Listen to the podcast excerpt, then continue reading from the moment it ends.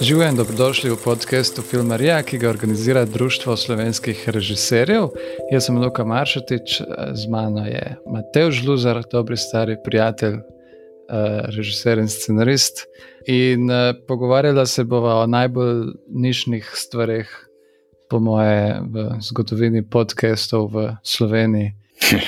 Eh, zato, ker je to ena tematika, ki jo jaz zelo dobro poznam uh, in Matejš, in mogoče še en ali dva, da bi še poznal človeka, ki jih to zares uh, zanima, do te mere, da se tudi sami pozanimajo o tem. Ampak uh, bolj je problem v tem, da ljudje ne vejo, kaj vse obstaja, in uh, se posledično nekako niti ne pozanimajo. In zato se bomo danes mi dva pogovarjali med sabo in tudi predlagali. Kaj sploh vse obstaja uh, v scenarističnem svetu, Torej, ne kako napisati scenarij eh, vsebinsko, ampak kako pišemo scenarij čisto tehnično.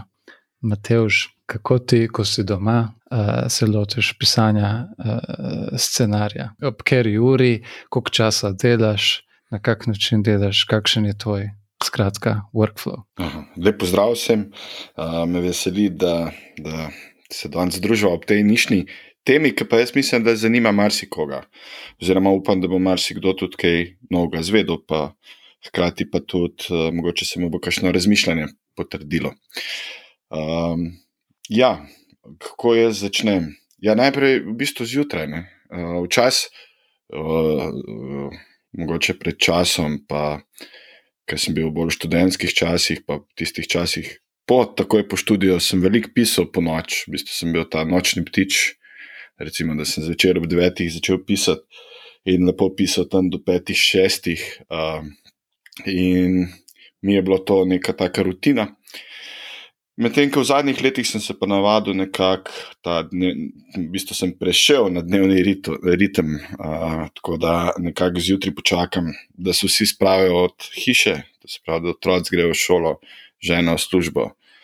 In uh, v bistvu začnem takoj zjutraj pisati. To je nekako, kako reko, nek normalen dan, če sem doma. Se imam pa to neko specifiko, da se zelo hitro naveličam uh, prostora, v katerem pišem, in um, zelo rad menjam.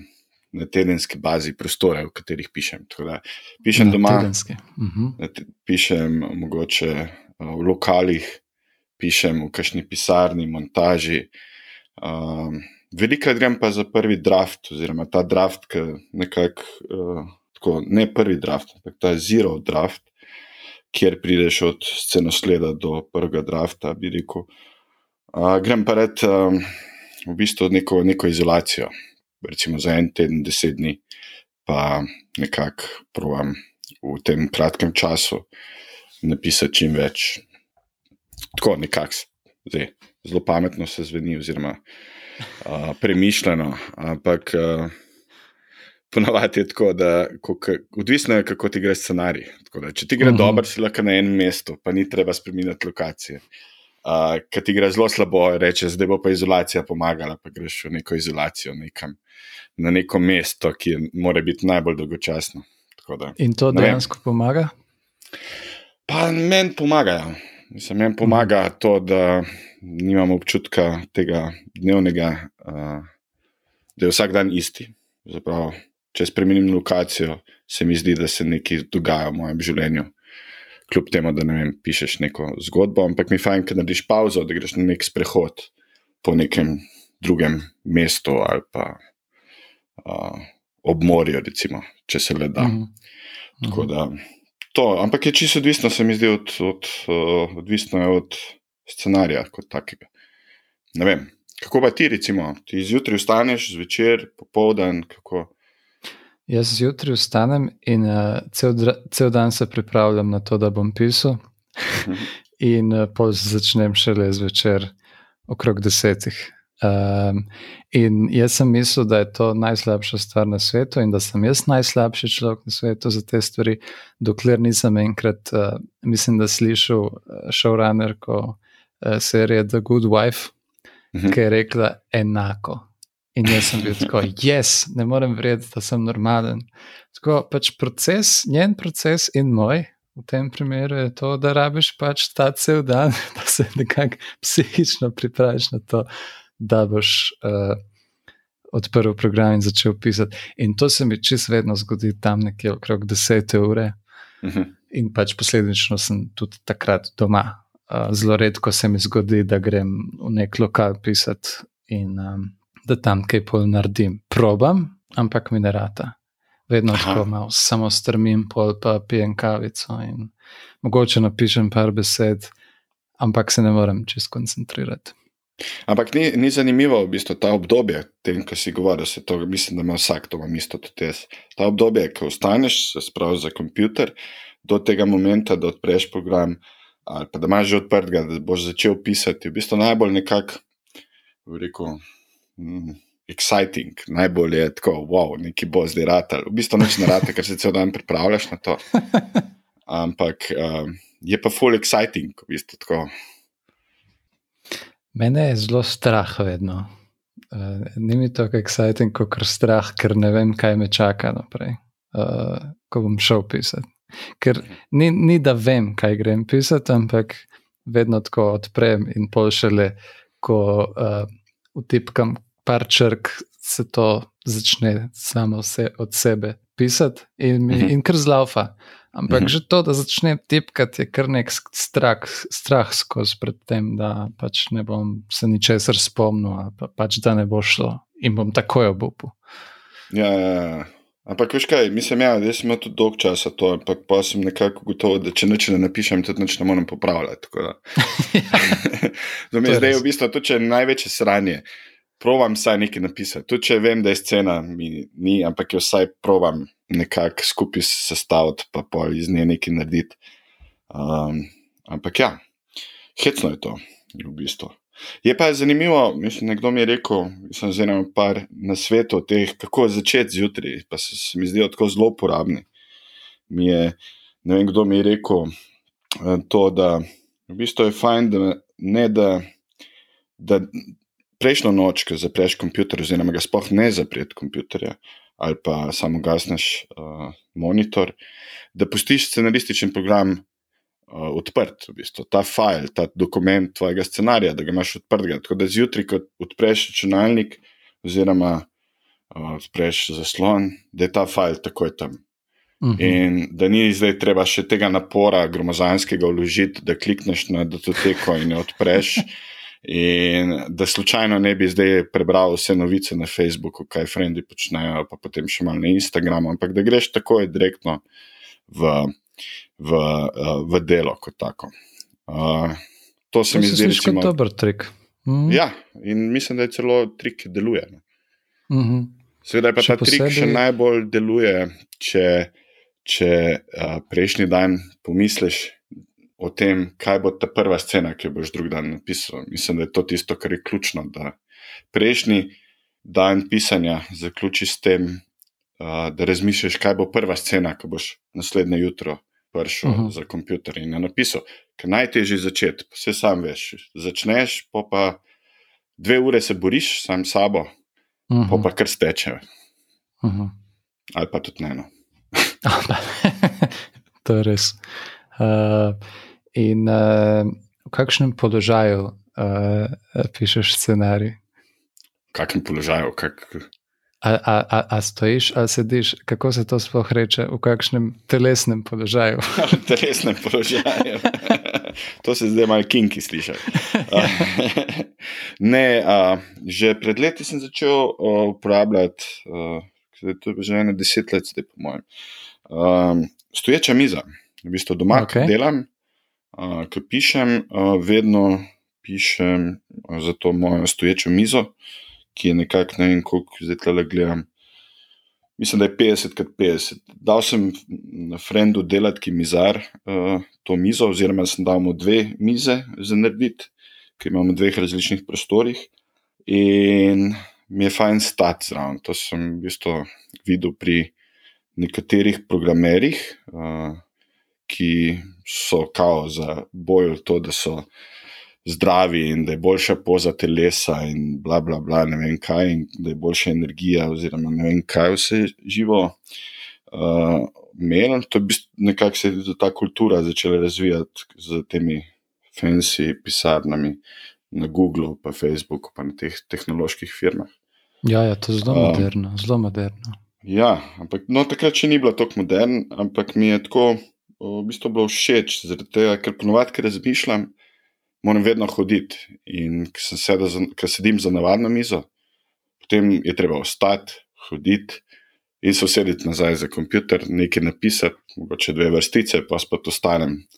Pa uh, hodim naokrog po stanovanju ali pa ne vem, kjerkoli sem že. In mi je fajn, uh, v bistvu, ko dobim neko idejo ali pa nekaj, da mi ni treba se zausedeti, ampak sam prijem zraven za to mizo, pa otipkam, pa grem naprej. V bistvu, To mi je uh mhm. -huh. tako fajn. Pa nekako imam večji občutek, da, da sem bolj sfokusiran. No, to mi je fajn, da sem sfokusiran. Pa uh, nekako v tem stoječem položaju me ravno ne mika, da bi zdaj mogoče bral neke novice, pa počival zraven. Ampak imam ta občutek, da delam. No. Pa konec dneva je fajn, da imaš občutek, da si tudi malo utrujen. Uh -huh. A to imaš prav mizo, ki je tako visoka, ali imaš navadno mizo, pa še eno mizico na tej mizi? Ne, v bistvu te prve par mesecev sem se mal poigral s to idejo, da bi stoječe uh, pisal, sem neko maro priredil približno na to vis svojo višino. Uh -huh. uh, potem sem dal pa po meri delati uh, dve mize.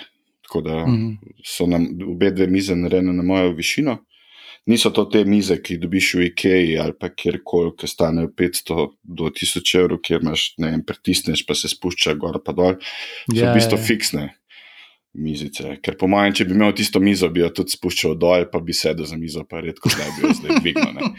Uh, tako to je pa fiksno in nimam kaj s tem zdaj. Uh, v bistvu, tako je, to je edina moja miza. In, uh, ko bi rekel, tudi take velikosti je, da lahko dam, recimo, podrem zice, da mu avto, pa ne vem, kakšno pisarno ali pa montažo. Uh, zapeljem, recimo, tam, kjer delam. Tako, zato, tudi, zato sem dal delati tudi dve mize, da uh -huh. uh, jih lahko malo selim, če je potreba. Uh, Zanimivo. Jaz nikoli ja. nisem še probil stoje pisati, uh, dejansko, ampak me pa tudi skozi mika.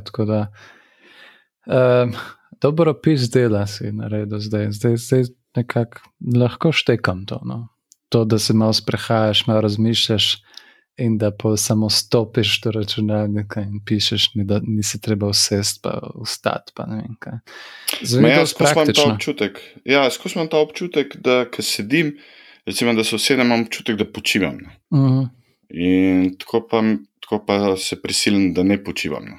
No. Sploh se usedem, že tako nekaj odsurfam na neke druge strani, ali pa še super zanimiv YouTube video je treba pogledati na določeno temo, ali pa review kakšnega super novega gadgeta. In to so vse razlogi, da potem ne delaš.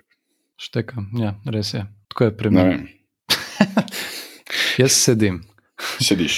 ja, žal. Si, si mi pa rekel, da si kupil neki novi stol, zdaj, da imaš to nekako neka pena, spominska, ne vem, kaj se živa. Ja, deset let sem uh, sedel na stolu iz Iska za 30 evrov in bolj sem pomislil, čak ima stoje orodje, ki ga uporabljam dnevno ure in ure. In uh, sem pobrskal malo stole in najdu enega, ki je sicer gamerski in glih to je problem teh stolov. Vsi, vsi te neki hudi stoli so ponovadi gamerski. Um, um, te pisarniški, pa ki so neki zelo fancy, so pa zelo, zelo dragi. Tako da sem zdaj dobil nek secret lab stol za 360 evrov in sem ekstremno, ekstremno zadovoljen. Sam glih je pa to problem, ker je preveč udoben. in je mogoče glih to problem, ker je za igranje iger in pač takrat ti mora biti udobno. Pri pisanju pa ne tok, ne tok. Zapravo, hočeš povedati, da scenarist oziroma nekomu, ki piše scenarij, ne sme biti udobno. Ne sme biti udobno, eh, tudi zato, ker pač tudi moraš pisati stvari o likih, ki jim nikoli ne sme biti udobno, ampak jih moraš skozi matrati. In če sebe matraš, mislim, da je lažje tudi pisati takšne scenarije. ne vem, to, zdaj, to sem se zdaj zmislil, to teorijo. Vse to so te teorije, ki si jih sprotno izmišljujemo, pa da zvenijo dobro. um, in to se pravi, ti, ko pišeš sam, uh, odpreš program in uh, tipkaš in si shranjuješ, recimo, uh, file na računalnik ali nekam drugam. Uh, ja, ne, definitivno. Mislim, vse, kar uh, ne smem zgubiti, uh, mora se shranjevati v Dropbox uh -huh, okay. uh, ali pa v iCloud. Bistvu, uh -huh. Če se odvisen, ker projekt delam, pa za koga. Uh, ker smo v preteklosti imeli že neke situacije, da sem izgubil kakšne file, oziroma se niso, so, niso mogli več odpreti, in ker se je deadline bližal, so, uh, je to kar stresna situacija. Potem takem, da moraš nekomu reči, da ja, meni file je zdaj krat in ga ne moremo odpreti. In je tako mal, res lem, uh, zelo slab izgovor. To je, to je tega, moderna v bistvu, verzija tega, da, da ti je pes pojedel uh, domačo nalogo. Ja, to je ta verzija. In iz, iz tega naslova zdaj vse te klaude shranjujem, odkar so se pojavili, zaradi tega, da imam na različnih mestih, pa imam pa dva tudi računalnika, še stacionarnega, ki pa tudi pol downloada te file na hard disk. Tako da uh -huh. je dovolj kopij, da se ne more izgubiti. No. In v bistvu odpiraš uh, file, ki je že na Dropboxu, in tudi ko ga shranjuješ, se ti avtomatsko sinka na cloud in si varen. Ja. ja. Ampak delam. Okay kopije. Recimo, delam novo verzijo scenarija, naredim kopijo. Aha, um, zakaj pa to? Zaradi tega, da imam, v bistvu reče, ne vem, prva verzija, da vem, da je to bila prva verzija, da uh -huh. grem delati drugo verzijo, naredim kopijo tega fila in v bistvu pišem naprej, da, ni, da se mi skozi shranjuje.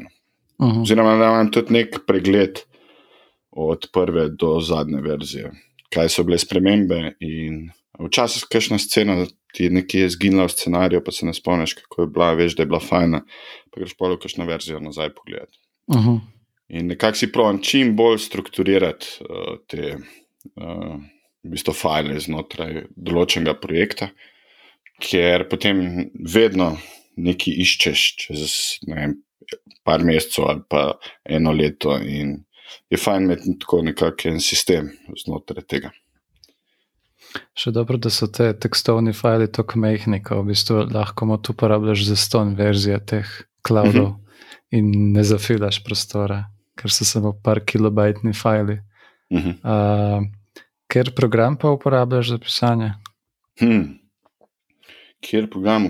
V bistvu, ja, najraje imam uh, Highland 2, to je ta program, ki je v bistvu za Meka, uh -huh. ki uporablja sintakso Fountain to ti tudi dobro poznaš, ta program. Zelo dobro. uh, in to mi je v bistvu najljubši program za pisanje, zato je tako clean.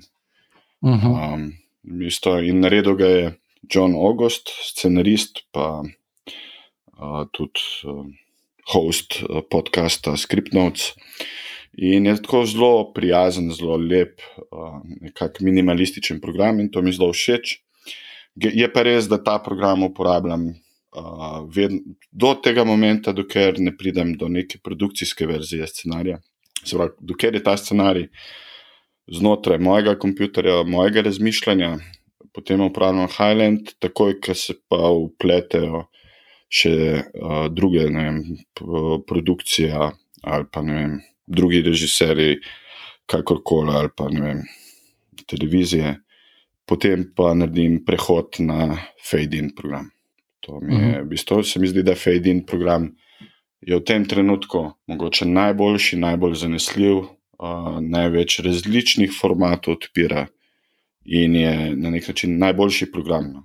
To, kar je mogoče nekoč pred 20 leti slovel Final Draft, je Fade in danes. V bistvu vsem, -huh. ki se ukvarjajo s scenaristiko, bi priporočil ta program. Ker je to dobro, enkrat ga kupiš in ga imaš zavedno. Ja, ja. Um, Highland 2 je. Ha, ja, enako. Zato se mi dva pogovarjava o tem, ker redko koga poznam, da bi recimo uporabljal Highland 2. Uh, Fading uh, z, z nekako promocijo, ki jo delam vedno, ko se pogovarjam z ljudmi, eh, ko vedno vprašam, o čem pišeš, vedno je nekako odgovor Celtics. In polno mhm. tako, oh, res. Pa on stari Celtics, ki je neč več. Absolutno. Ni, a, a, ja. In pol, pa se pa kaj narobe z njim, vse pišeš. Ja. Um, in pol malo tako razlagaš, malo se pogovarjaš, uh, in vedno pridem do neke točke, ko neko funkcijo povem, s katero tako rekoč prodam idejo o tem, da bi ta oseba uporabljala ta program. Mhm. Um, ampak veliko lažje pa priporočam Fading, zato ker deluje na isti način kot Celtics in Final Draft in podobni. Mhm. Medtem ko Highland 2 je pač čist nek drug sistem, uh, na katerega se moraš malo navaditi, mogoče tudi celo naučiti, ker traja pač samo par minut, polkane. Ampak glede na to, kako ljudje se težko ne navajajo na nove stvari, ampak da spoh sprobajo nove stvari, me ima vedno strah predlagati ta program. Um, ja, jaz sem jih zadnjič, jih prejšnji teden imel s kolegom, režiserjem, uh, uh, debato, um, ki je rekel, uh, ki sem ga vprašal, o čem piše, oziroma on me je vprašal, no, nekakšna debata naletela na to. In mi je rekel, da piše svoje scenarije v Wordu. In mi je kar, uh, kar mrzo švic šel po hrbtu, ker uh, Word je mogoče najslabši program, da lahko se gremo pisanje scenarija v, v tem programu. Uh, posebej zaradi tega, ker vsi ostali programi scenaristični nekako ti tako olajšajo celotno delo, da ne razumem, zakaj bi mogel v Wordu pisati. Uh -huh, uh -huh. Ja, ne, jaz sploh ne štekam, kako se tam piše. Vem, da je nek dodatek, kao, ki ti nekaj pomaga, sam na koncu vse to skupaj, samo ena solata, neprimerna. Uh -huh nestandardizirane. E, kako sem pa jaz na zadnje prodal eni punci, e, Fejdin, ki ona piše za gledališče.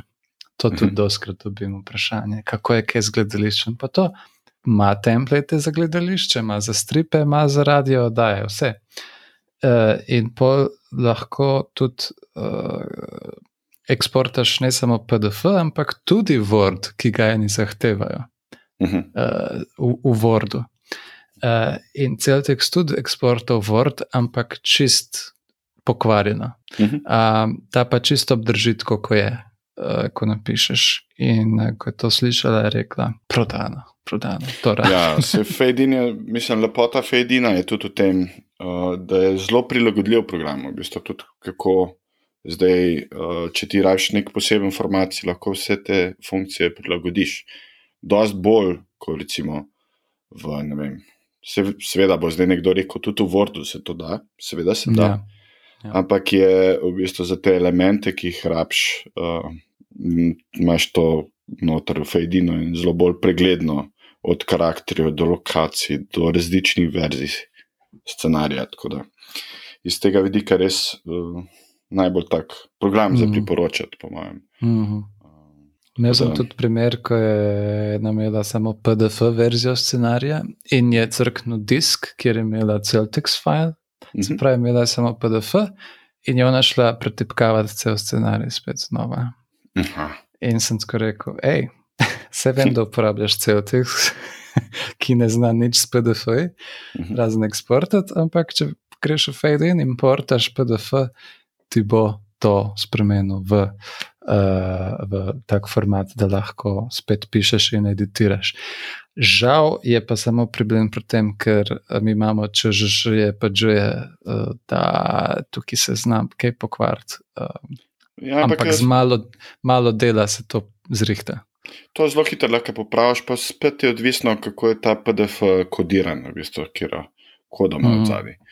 Mm. Um, ampak to se da vse hitro replace, oziroma find and replace je še ena funkcija, ki je lahko uh, zelo uporabna, hkrati pa tudi prekletstvo, če prehiter kakšne stvari zamenjaš. Ampak um, res je to dobro, ker nisem, da lahko PDF importiraš, lahko importiraš Celtics format, lahko importiraš Adobe format, lahko navaden RTF in eksportiraš, importiraš. Mislim, najbolj odprt program je kot tak. Ja, in ja, iz ja. tega vidika ga marsikdo ima zelo rad uh, in je super. Zdaj je to tako neka vseh... ljubezenska pesem, love song, Fejdina. Ta ustvarjalec bi bil vesel, če bi slišal, da se ena, dva slovenca pogovarjata o tem. Ja. uh, je pa tudi na vseh računalnikih in celo na iPadu in mislim na tablicah, telefonih. Mhm. Za Highland pa žal ne morem reči enako, ker je samo za Meka, kar mi je zelo žal, ker jaz imam. PC-ja in Meka, ampak samo na Meku lahko uporabljam Highland. Uh, in tudi dodatno žalostno mi je to, da ni nobenega za res fountain programa za PC, tako da upam, da bo ok. Uh, sicer se da zdaj z novo verzijo Fadina nekaj to delati, sam ni to mhm. čisto kot gre Highland. Ja. Uh, zdaj ti uporabljaš ta program, jaz tudi. Um, in um, ko ne delaš sam, ko, uh -huh. ko mhm. delaš z ekipo, recimo, pisali ste jezero in Uh -huh. um, in um, kako pristopate uh, k tem? A, zelo Pravi... enostavno. Zelo enostavno, prisilim jih, da kupijo Fedin. okay.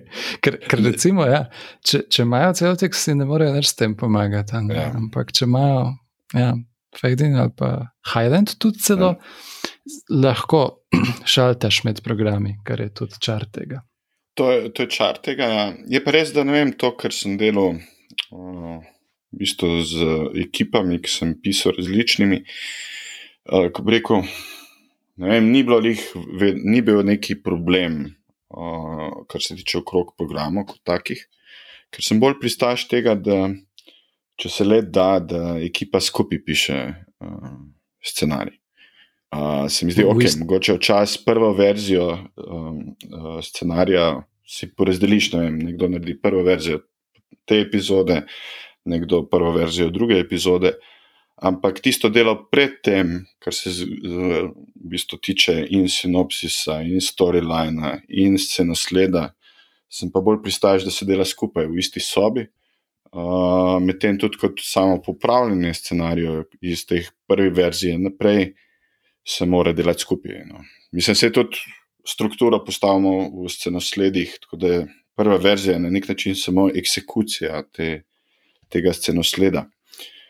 In iz tega vidika imam rad ta nek workflow, da računalnik priklopljen na, na televizor, kjer vsi gledamo v isti ekran in v bistvu pišemo isti skript. No to mi je, to mi je, uh, uh, to imam raje, kot pa neko pošiljanje, pa dopolnevanje, pa potem zgubiš nek pregled nad tem, kdo je kaj popravil in kako. Ne vem, kakšne so tvoje izkušnje pri dvoje. Ja, povem, ker smo imeli, mislim, da zelo dober sistem, ki ga bom priporočil vsem, ampak sam še malo, če se vrnem. Recimo, uh -huh. če, če nimaš te sreče, da si lahko v istem prostoru, ja. kaj se takrat zgodi?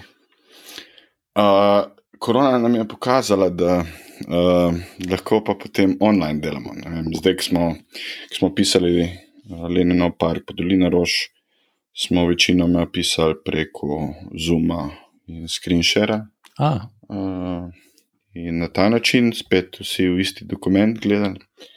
Medtem, ko prejšnjič uh, smo se pa vedno dobili. No. Da, ker v osnovi je to, da če je ekipa skupaj v istem prostoru, ti enkrat hitreje delaš. Uh mhm. -huh. Si bolj efektiven, več narediš, in tudi se mi zdi, da boljše ideje pade. Ni nobene distrakcije, ki si v isti sobi nekje. Tudi če se piše dejanski scenarij. Uh, tudi če se piše dejanski scenarij. Ja. V bistvu ponovadi je bilo tako, da tako, kot sem omenil, vem, računalnik z HDMI kablom priklopljen na televizijo, nekdo tipka, ostali gledajo isti skrin na televizijo in v bistvu sprot letijo ideje. Mm. Na ta način, me, na ta način to, v bistvu ti, ki tudi prvo verzijo napišeš, ne napišeš prvo verzijo, zato ker že kar sprot popravljaš. Ker nekdo reče, nekdo reče, aha, tole bi rekel ta lik, pa drug že tako nadgradi, in, in ti v bistvu priješ ob koncu scenarija že ne s prvo verzijo, ampak imaš mogoče že drugo verzijo ali pa ena pa pol verzijo. E, to, to, to mi je čuden, jaz sicer tega nisem nikoli delal, da bi pisal sam scenarij uh, uživo z ekipo, ampak vedno tako.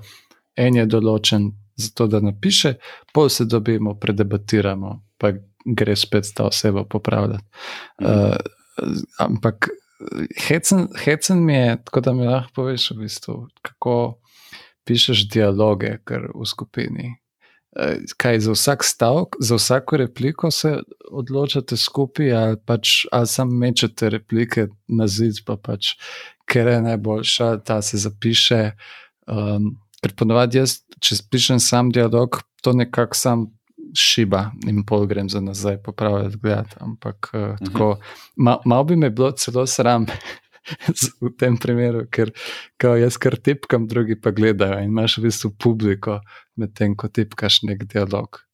Uh, ja, se to te prisili, da boljš tipkaš, oziroma boljš dialog napišeš. Kot bi ga drugačne. Ampak je uh, iz tega, nisem, ne vem, Uh, ni tako, da bi zdaj izbirali replike, ampak je velikrat se zgodi, da veš, kaj imaš sceno sled napisan in veš, da je zdaj ta scena, ta scena ima prvo funkcijo, to, drugo funkcijo, da zvemo to informacijo, tretjo, zvemo nekaj v karakterju. In potem, ker razmišljaš skozi to prizmo o funkciji v scenosledu, potem se same scene dosti hitreje oblikujejo. In če to vsi v ekipi vejo, oziroma smo se itak že pri scenosledu vsi o tem strinjali, potem se te dialogi tudi hitreje uh, sestavljajo kot taki. In pa ne vem, nekdo reče eno repliko, drugi reče kontrarepliko, in pa v bistvu zelo hitro sestavljaš nek dialog. Uh -huh. um, Zaradi tega, ker imaš uživa, že pregovoriš ta dialog. No. Seveda uh -huh. pa res ta pogoj, da se moraš nekako tresti tega filinga, kaj bojo pa zdaj drugi rekli. V bistvu ne sme biti nobenih skrivnosti, se v vsaki dobrem writer's roomu ni skrivnosti. Mm -hmm. okay. A vi ste pa vedno delali tako, da ste si podelili epizode? Mm -hmm. Mm -hmm. Uh, ja, recimo, bili smo štiri ali tri pri tretji sezoni in smo si razdelili epizode, vsak je napisal doma, eh. pa smo si komentirali. Um, zdaj, kar se tiče teh filev, pa vsega tega, to se zna kar nabrati, ker ko pišeš serijo. Mm -hmm. um, zdaj, jaz, recimo, če napišem epizodo, jo sevam, napišem jo v Fejdinu in lahko kdorkoli drug odpre, ker smo imeli vsi Fejdine, k sreči. Uh, ampak za delo v ekipi v živo, v istem dokumentu, to je pa spet nekaj tretjega, kar, kar smo mi dost počeli. Uh, ker Fading ni najbolj primeren program, pa čeprav je to možno, da nekdo skoči v tvoj dokument in skupaj naenkrat pišete. Aha, to če ste remote, v bistvu, da vsak del. Tako, če smo remote. Ja. Ja. Uh, je meni odlična rešitev Google Drive uh -huh. uh, oziroma Google Docs. Z, Znotraj Google Drive, uh -huh. se pravi ta online Word, ki je tudi čez zaston, ti lahko skopiraš iz Fadina in pastneš v Google Doc dokument v obliki Fountaina. Uh -huh. Um, in pol vsak lahko editira normalno ta dokument v živo, in smo trije, štirje v istem dokumentu, in uh, daješ. Uh, in uporabljaš funkcije komentiranja in suggestionov, kar je čez hodo, ker uh mhm. -huh. zbereš besedo, sceno, repliko, karkoli, desen klik, koment, komentiraš, odgovarjaš, rezolvaš probleme, uh, suggestions, se pravi, se pravi, predlagaš funkcijo, da predlagaš nekaj. Napišeš neko novo repliko, in polah en, da kljubco ali pa x, se pravi, potrdi ali pa ne. Uh mhm. -huh. In pol, ko se to nekako sfinišira, vse skupaj sam skopiraš in pejsneš nazaj v fade in, in eksportaš kot scenarij. Uh -huh. uh, ja, razumem te. Ampak ni ti to, uh, ne vem, meni osebno je to, kadar se dela nekaj v Google dokumentih, ki so sicer izjemen uh, program, dosti boljši, po mojem, kot nek Word. Ampak je, uh, ni malo to konfuzno, ker je v bistvu pa če trije istočasno delajo na dokumentu, nek pregled zgubiš in moraš pa na koncu spet brati. Um, ne sem bolj pristaš tega, da se najprej zmeniš, potem pa zapišeš. V bistvu. Uh -huh, uh Uh, -huh. Kot pa da bi zdaj istočasno ne vem, nekdo popravljal začetek scene, nekdo bi pisal že dialog. Pa Mhm. imam tako občutek, da se zgodi nek tak lahko Frankenstein. Pa moraš še potem v bistvu iti, pa sosediti, pa vse to popravljati, da ima nek isti voice, isti glas. In uh, se mi zdi, da uh, ne meni osebno je to malo preveč konfuzno. Ja, ja. Kar je pa lahko zelo praktično, no, tako kot ti govoriš. Uh, ja, mislim, tudi če si uživo, uh, vi ste zdaj imeli recimo televizijo, eno Uh -huh. uh, in uh, en računalnik, drugi so gledali, komentirali. Mi smo imeli, recimo, tudi ko smo se dobili živo, vsak svoj računalnik, odprt isti dokument, in pol smo uh, komentirali, sicer v živo, spremenjali pa pač v samem dokumentu. Ker je pa Mhm. super, je to, da dejansko lahko vidiš v Google Docsih, kje se kdo nahaja s kurzorjem in kaj počne v, v samem dokumentu. Se zdaj, Um, ki smo- ki si govoril, zdaj na zadnje, smo pisali, ja, smo tudi uporabljali Google, Google Docs. -e. mhm. Uh, ampak je vedno bilo tako, da smo se zmenili, uh, kdo je pisal, kdo je bil tak, ki je bil glavni pisec v Mhm, smislu, uh. -huh. kdo tipka, kdo je bil Mhm. uh, tipkarski stroj. ne. To se sliši dobro, da je en ta tipkarski stroj. Ja. Uh, ampak uh, je pa tudi dober, ko imaš full pregleden history Uh -huh. uh, in lahko vidiš čisto vsak detajl, kdo je kdaj kaj napisal. Uh -huh. Uh, in lahko imaš tudi različne verzije dokumenta znotraj istega dokumenta in lahko vračaš nazaj in naprej. Mhm. Mislim, da je ekstremno, ekstremno uporabna zadeva in čez zaston. Uh, in tudi, ko si sam, celo lahko pišeš o tem, če ti paše, čeprav ne vem, raj, raj ne bi, ampak ja, da se. Da Da se. se. Uh, se pravi, fountain.io je page, kjer lahko vidite o tem. To je neverjetno. Te, ja, ne, zdaj, zdaj to čak. Govorila so o Google Docsih, kaj pa Fountain. Tako. Veliko so govorili o Fountainu, ampak zelo malo ljudi se mi zdi, da ga pozna in tako zgleda nekaj zelo konfuznega, zelo kompliciranega. Pa bi na tem mestu uh, jaz tebe vprašal, kaj je Fountain. Fountain je uh, način pisanja teksta v programu. To ni program, ampak samo ena sintaksa. Se pravi, Programski ki del- jezik. Programski jezik, I guess. Ja. Ja. Uh, ampak, a vidiš, če to poveš, takoj Ja. ustrašiš človeka. Tako je. Ja. Bom jaz kar na Wordu vstavil, je, je pol neka. Ampak je, trik je pa sam to, da pišeš skoraj isto kot pri scenarističnih programih, samo da moraš malo tudi ročno. In sicer z veliko napišeš interjer, lokacija, črtica, dan ali noč. Mhm.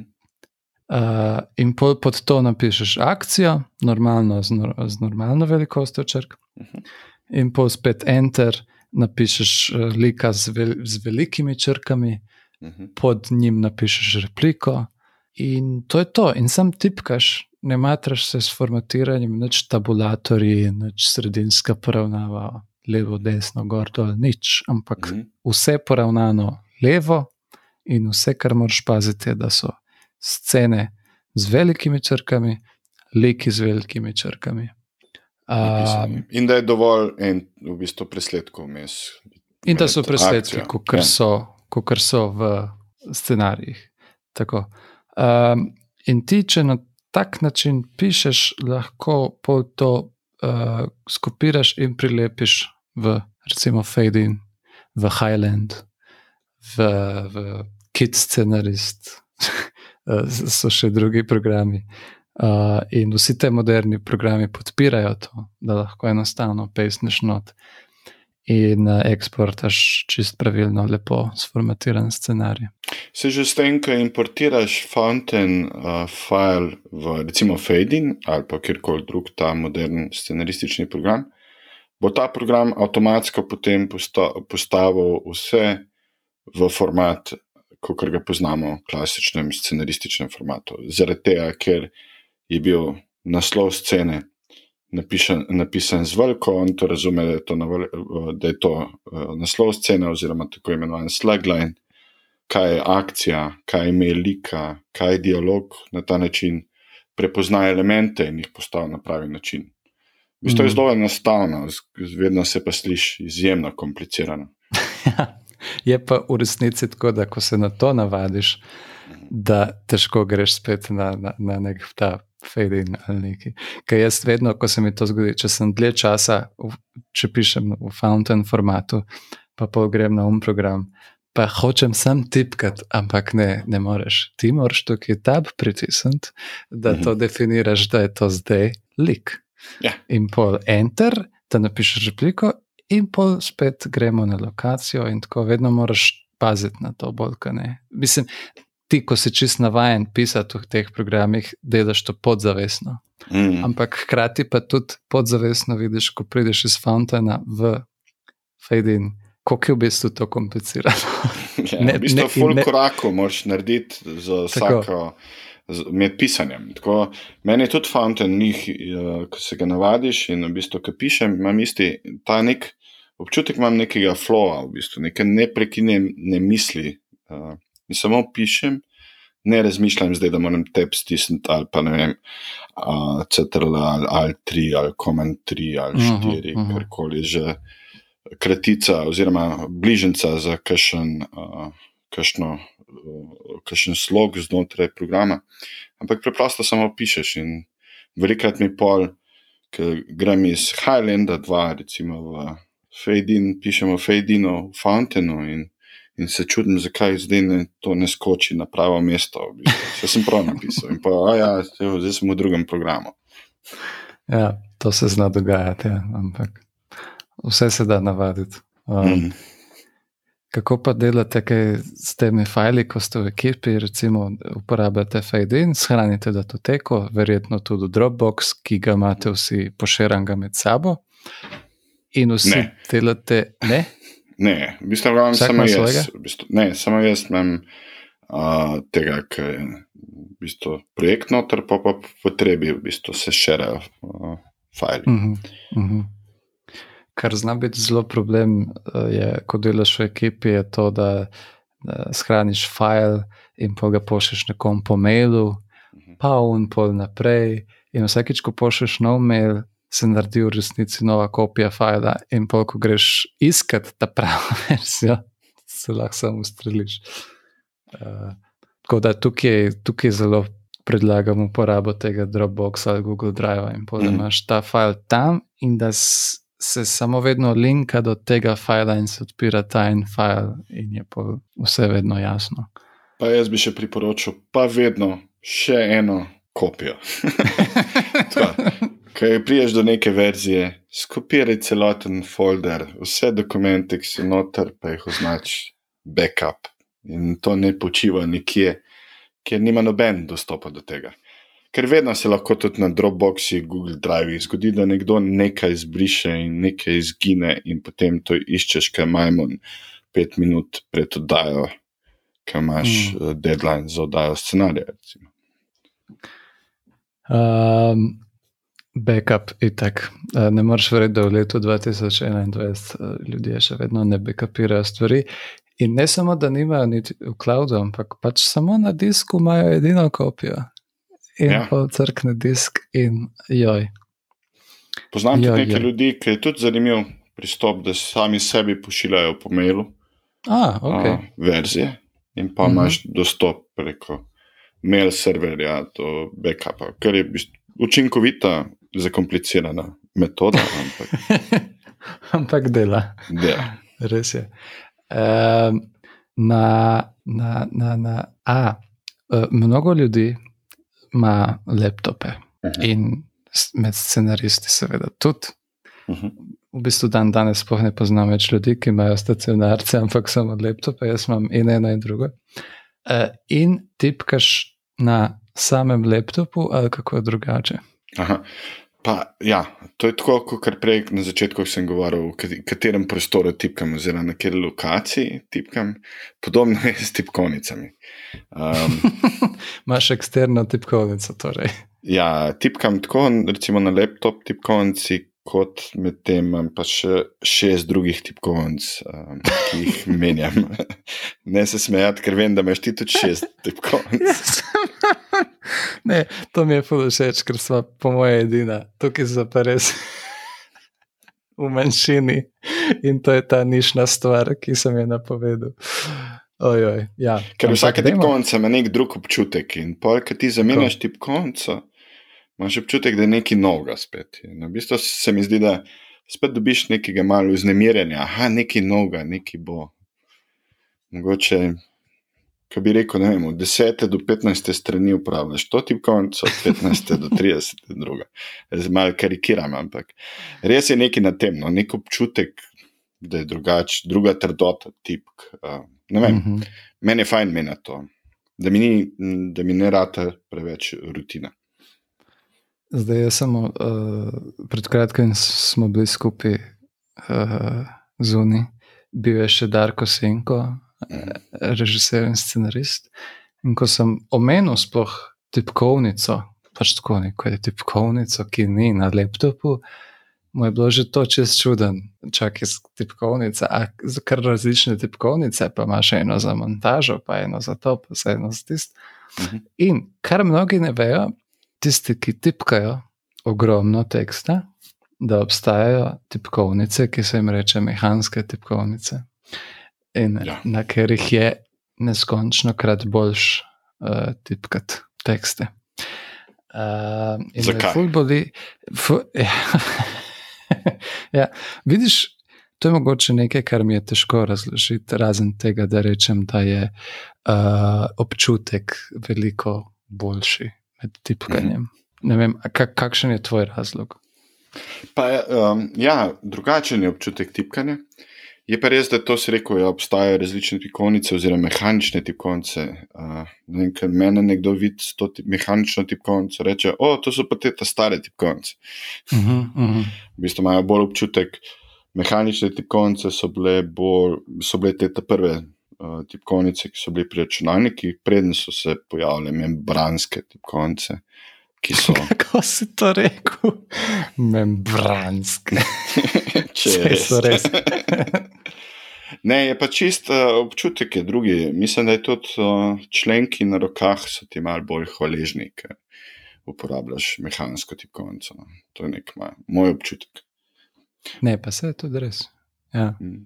Uh, uh, In jaz, jaz imam tukaj uh, pri sebi za demonstracijo dejansko. Ko mi dva, ko imamo šest tipkovnic, v resnici so neke tri najbolj pomembne. Ja. Uh, ampak tukaj ne govorimo o firmah, ker tukaj je neskončno teh različnih tipkovnicah. Uh, tipkovnic, ampak kar je pa glavno pri njih, je kakšen ima switch. Uh, Kaj to se tem reče? To je stikalo. To je stikalo, ja, to, ta, ta zadeva, ki je pod tipko, da ko pritisneš to plastiko, da aktivira to stikalo. Uh, in, uh, in najbolj poznamo te rdeča stikala, uh, rjava stikala in modra stikala. Uh, in preden v bistvu pokažem, uh, kero stikalo je tebi najljubše. Meni je najljubše rjavo stikalo. Rjavo, okay. no, to mi je v bistvu po... najboljši, ampak okay. z, mi je pa fajn za presekati na rdeče. okay.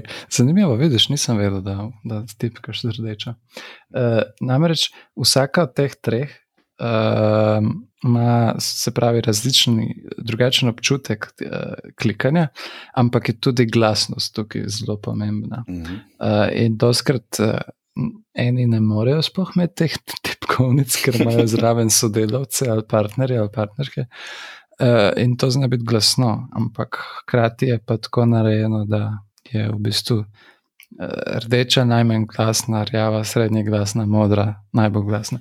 In je vedno glih tako, ta najboljša je najbolj glasna, žal, meni osebno. Ampak, pa ni čistko, v bistvu. Niti. Nisem to samo, kar se tiče glasnosti, potem pa je ja. seveda tudi uh, vhod tipke, kako je pogreznost tipke in odzivnost tipke pri teh uh mhm. -huh. stikalih. Ni samo uh mhm. -huh. ta uh, aspekt glasnosti, ampak koliko je ta odzivnost. In meni je rjava dobra, zato ker jih nek med rdečo, pa med uh, modro, če sta uh -huh. rdeča pa modra, nekaj ekstremnega. Uh -huh. Jaz bom zdaj pokazal, kako zveni rjava tipkovnica. Poslušajte tole. Aha.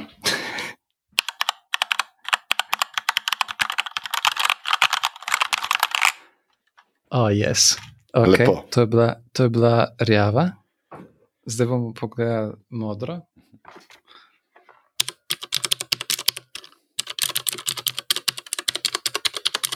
Okay. Dosti bolj kliki je ta. Ne? Ja, se kar sliši. Ja. In še ta, ki je najbolj v bistvu, tiha in uh, mehka, za moje pojme, je uh, rdeča.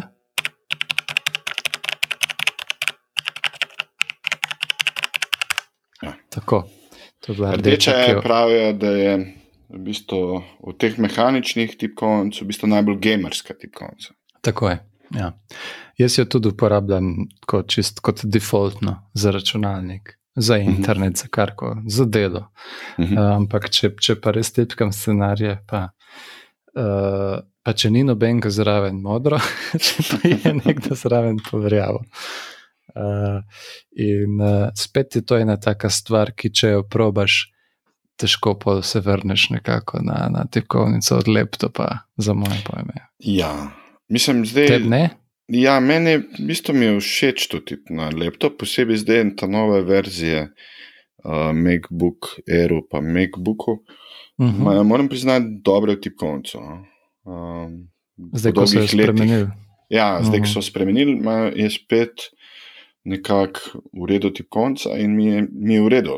Tudi rad mešam, tudi to eksterno, brežično o Apple uh -huh. tipkovnica mi tudi všeč, posebej zaradi tega, ker je tanka. Pa, pa lahka, uh -huh. um, ker je vse en tudi fajn malo menjati. No. Ja, ja. je. Uh, na, obstaja milijon načinov, kako se lahko zabavaš med tem, ko, ko pišeš, da ti nikoli ne rata dolg čas.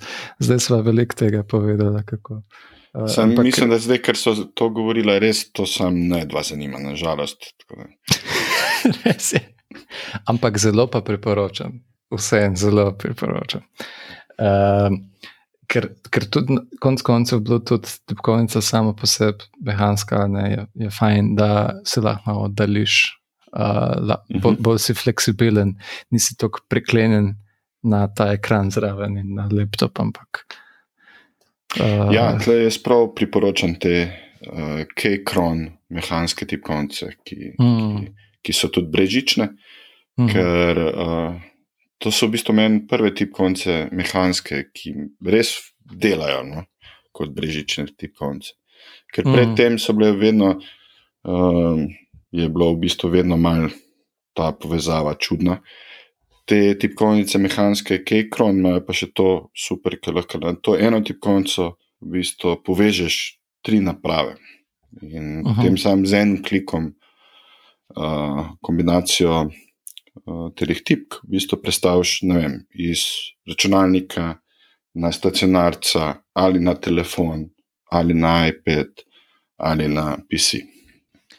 In uh, če greš nekam, nekam v tujino ali karkoli in nočeš nest laptopa sabo, ker je velik ali karkoli, nimajo vsi najtanjših mekov, uh mhm. -huh. je zelo dobra alternativa pač.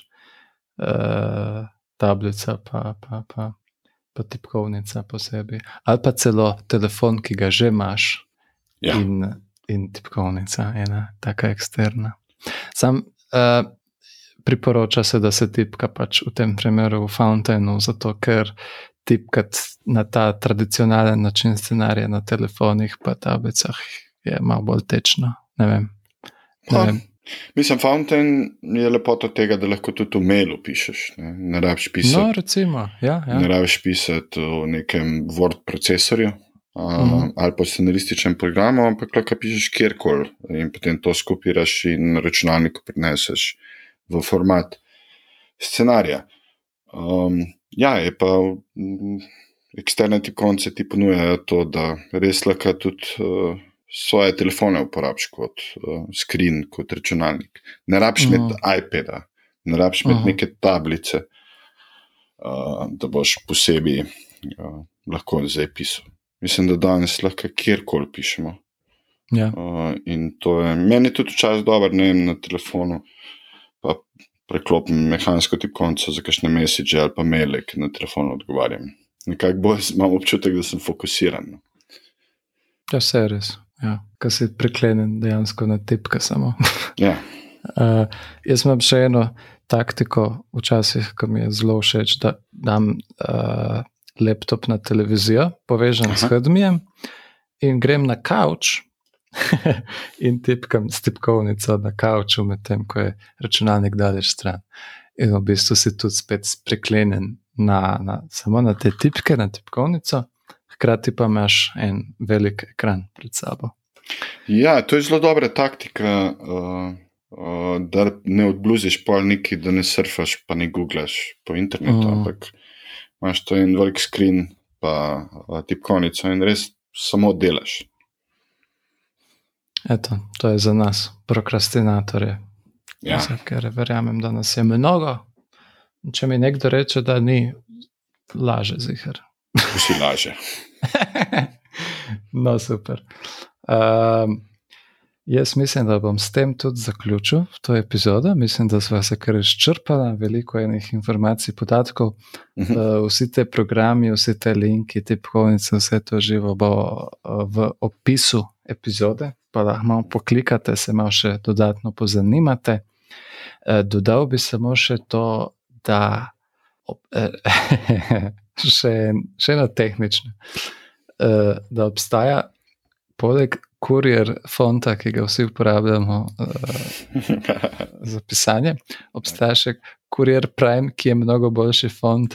eh, In eh, če kdaj pošiljate scenarije, ga pošiljate v tem fontu, ker je V bistvu ni f- drugačen font, je ne, ni posodobljen drugačen. kurier font. Jaz bi na tem mestu rekel, kurier font, ki se uporablja v scenaristiki, to ne pomeni, da je kurier new. Ker Mhm. kurier new pisava je dosti večja kurier pisava kot kar kurier. Kurier Prime je pa posodobljena kurier pisava in je nekako najboljši približek originalni kurier pisavi.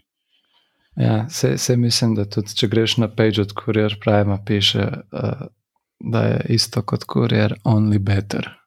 Ja. Kar je res. Ker glih zdaj, ko sem pošiljal, ko sem na delavnici scenarnica Mhm. uh, in sem poslal jaz svoje v Primeu, vsi ostali so imeli ta tenek, Courier, uh, defaultni. In je bilo prav vprašanje, hm, ker font je to. Ker je dosti bolj čitljiv in lep zgleda. In pa sem sam, yes, poslal link, zdaj bojo vsi v tem eksportu. Jaz je kurier Prime je bil s tem namenom uh, posodobljen, uh, da, da ga je lažje brati. Mm, Pa kurier New, v bistvu je problem pri kurier New je res, ker je dosti večji font in potem nekako 100 strani v kurier New pomeni, ne vem, uh, 90 strani v kurier Prime ali pa navadnem kurierju. mm, Pa lepše se bere kurier Prime kot kar kurier New. Meni je kurier. New zelo grda pisava. absolutno. Uh, to sem zdaj že tako navaden od tega, da kadarkoli dobim kaj. Me boli, najraž bi si kar importu, pa eksportu spravim, pa podbral, kar včasih Kako pa, dejansko pošiljaš, naredim. kako pa ti pošiljaš scenarije? Pošleš, ne vem, ko so pa zdaj govorili o Fejdinu, a pošleš Fejdin, recimo producentu ali pa nekomu igravcu, ali pol, Ah, kje pa. pošleš Word dokument, kaj pošleš? V bistvu, kaj je nekako norma za pošiljanje scenarijev na okrog? PDF. Se strinjam. Mislim, Zakaj? Dejansko, a, zato, ker je zapečen, zaklenjen Mhm. in nihče ga ne bo mogel videti nikakor drugače, kot kar tako, kot si si ti zamislil in naredil. Tako kot je bil, tako kot je izgledal znotraj tvojega programa. ne. Tako. Mhm. Ja. Um, eto, tako. Zdaj smo pa res izčrpali, še zadnji, to je, to je, sam še to sem hotel dodati. Um, Máš ti še kaj, a zaključva? Ne, lepo bi pozdravil tiste tri ljudi, ki bodo poslušali tole temo, ki je zelo nišna. Ampak... ne, ne, ne, to bo šlo na krok, to bo viralc. To bo ja. viralc. ne, se ne. Ampak od zdaj naprej, vedno, ko se bom pogovarjal o tem, ali pa nekdo, če me kaj vpraša, kaj, kaj, kako nekaj tehnično, bom lahko poslal to epizodo. No, Hvala lepa vsem za posluh, vsem trem, kot pravi Mateoš. Lepo zdrav sem. Tako, lep pozdrav. Poslušali ste podcast Filmarija, ki ga izdaja Društvo slovenskih režiserjev s podporo Slovenskega filmskega centra Javne agencije Republike Slovenije. Producentka Zala Opara, tehnična izvedba Luka Marčetič. Hvala za posluh in do naslednjič.